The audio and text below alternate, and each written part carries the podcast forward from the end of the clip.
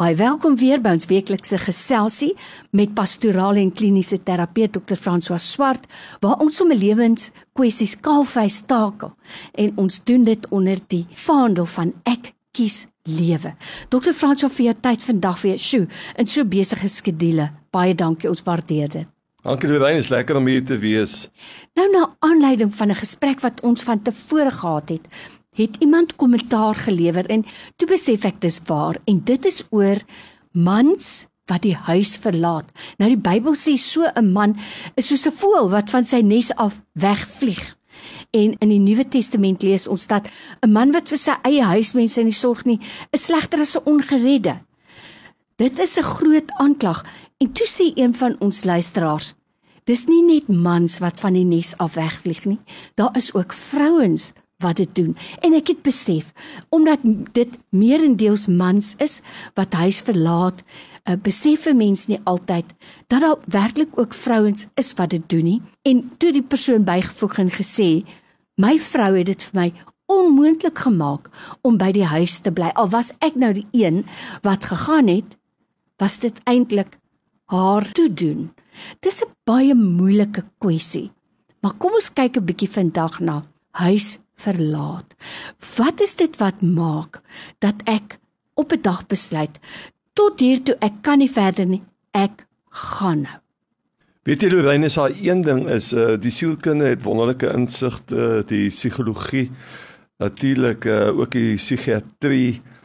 Maar die een ding wat ek by die pastorale dissipline geleer het, was hulle werk daar met die hele groot verantwoordelikheid wat ons as mense het.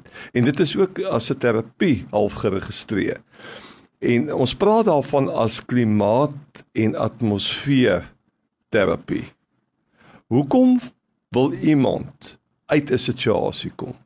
Wat is die rede hoekom 'n persoon dit nie meer kan hou mm. in 'n spasie of in 'n ruimte nie en net voel ek moet hier uitkom?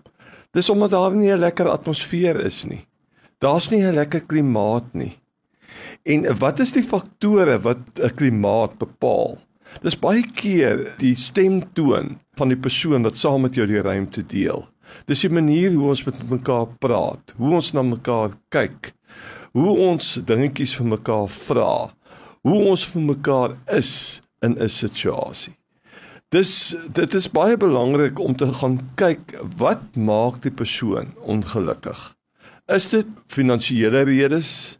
Is dit dat dit vir hom vervelig is by die huis? of vir haar is dit dat dit gaan te rof by die huis die kindertjies is in 'n lewensfase dat jy nie al die lawaai kan uitstaan nie dan moet jy in elk geval as man met jou vrou konsulteer hmm. daaroor en sê ek het net 'n bietjie tyd nodig ek gaan vir 'n halfuur net bietjie wegvat maar dit geld ook vir ons vroue wat die meeste veral met klein kindertjies werk om vir hulle 'n uh, asem te gee om te kan uitbeweeg Kom ons praat bietjie oor hierdie verskynsel rondom vroue wat ook net eenvoudig sê maar dit is nie meer vir my lekker by die huis nie en dan net eenvoudig net nooit huis toe kom nie. Dit loop saam met ons vrouens wat ook die arbeidsmark moes betree. Ons weet hier eh, van 1968 in Amerika het vrouens rondgeloop met plakate Ons praat van die opkoms, die emansipasie van die mm. vrou, dis die groot woord en hulle het gesê ons kan presies dieselfde doen wat mans doen en dis natuurlik waar en dis reg so vrouens is nie net emosionele of hormonale wesens nie. Ons weet ook met die Challenger uh, program van die Amerikaners dat twee van daardie uh, ruimtereise was vrouens uh, van 'n bemanningslid van 7 was hulle die kaptein. Dis vrouens is in staat om baie prakties soos mans te kan opereer. Dis nie net dat hulle emosioneel is nie. Maar dit het gekom met 'n prys. Dis vrouens uh, wat in die werkplek is, is ook moeg. Uh, hulle soek ook bietjie stilte. Hulle kan net nie by alles uitkom nie. Voordat ons deesdae werk met depressie, werk ons baie keer met uitbranding en dan wil hulle weggaan. Mm. Daar kan ander redes wees. Dit kom bietjie nader miskien aan die luisteraars uh, se se lewens. Is jou man of vrou gelukkig? Uh, ons het al in hierdie program oor die 10 intimiteitsvlakke ja. gepraat. Dit kan wees dat daar seksuele verwaarlosing is dat daar nie goeie kommunikasie is tussen die twee egliedere nie dat soos ek sê daar nie 'n lekker atmosfeer en klimaat is nie hulle is nie lekker maats mekaar nie. En dan gaan die manne en hulle gaan drink 'n drankie op 'n ander plek. Vrouens gaan na 'n koffiewinkel toe en soek hulle vriendinne op en eet twee stukke kaaskoek en uh, drink rooibos tee en kla oor hulle mans en en en dit moet dan op 'n sekere manier aangespreek word. Dis daar met 'n oop gesprek kom rondom is ons nog goeie maats se mekaar en jy moet vir jouself vra, jy wat nou daar sit en luister vir die radio, is ek 'n goeie atmosfeerbouer? Is ek 'n lekker mens om by te wees?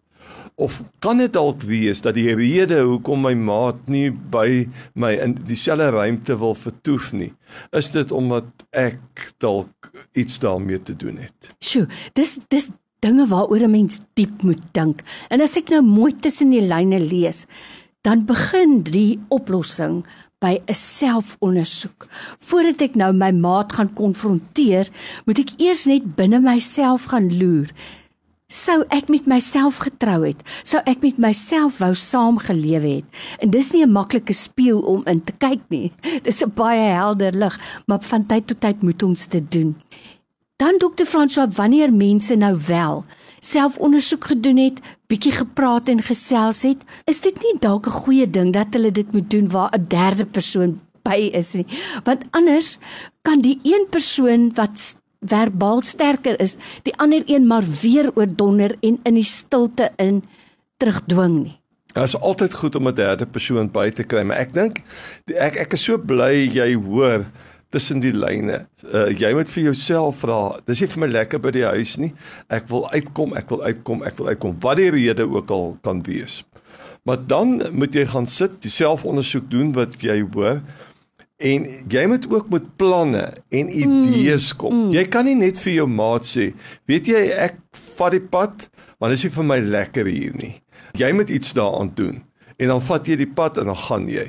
Dis nie hoe dit werk nie. Jy kan sê ek dit voel nie vir my lekker hier nie, maar wie wanneer sal dit vir my lekker voel?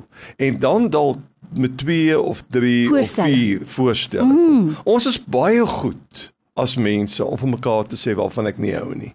Ons is baie vinnig om kritiek te lewe. Maar ons is bietjie stadig om te, om te sê ek het hierdie kritiek, maar ek het ook 3 voorstelle hoe ons hierdie ding beter kan maak. Dis daar kan 'n gesprek wees op die manier.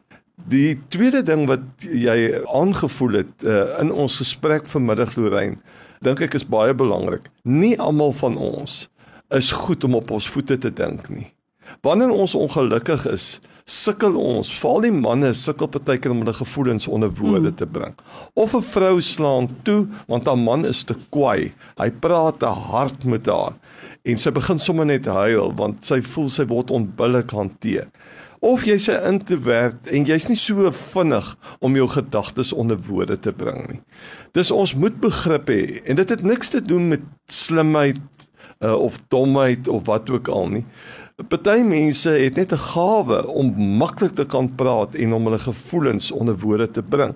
En jy moet begrip hê vir jou maat.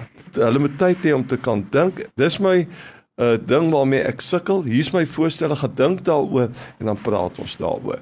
Dit is waar ek dink die gedagte van 'n derde persoon baie mm. handig is. Mm.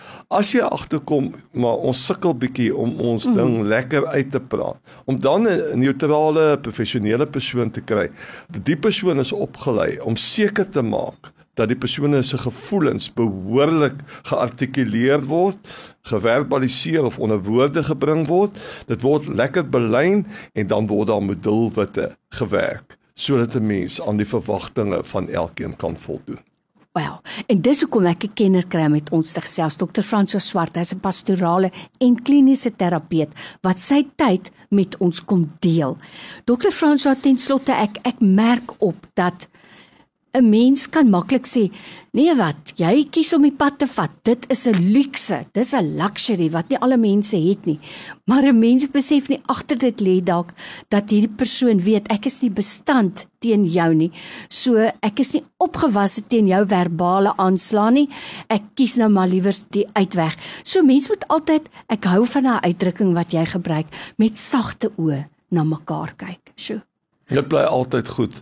Ons moet veral in 'n tyd soos hierdie Lorraine, mm. soos wat ons vandag lewe. Die Engelse woord is kindness. Almal van ons is in die moeilikheid met al die uitdagings van COVID-19 met finansiële eise. Mm. En uh, dis goed dat jy ingeskakel het in hierdie program as 'n luisteraar. Bekwam jou en hê 'n leergierige gees en probeer om konstant te werk aan jou manier hoe jy met sagtheid met ander mense en met jouself En dan sal jy op 'n punt kom wat jy kan sê ek kies lewe. Vir jou tyd vandag vir Dr. Franswa, dankie ons waardeer dit. Dankie Lorraine en groete aan al die luisteraars.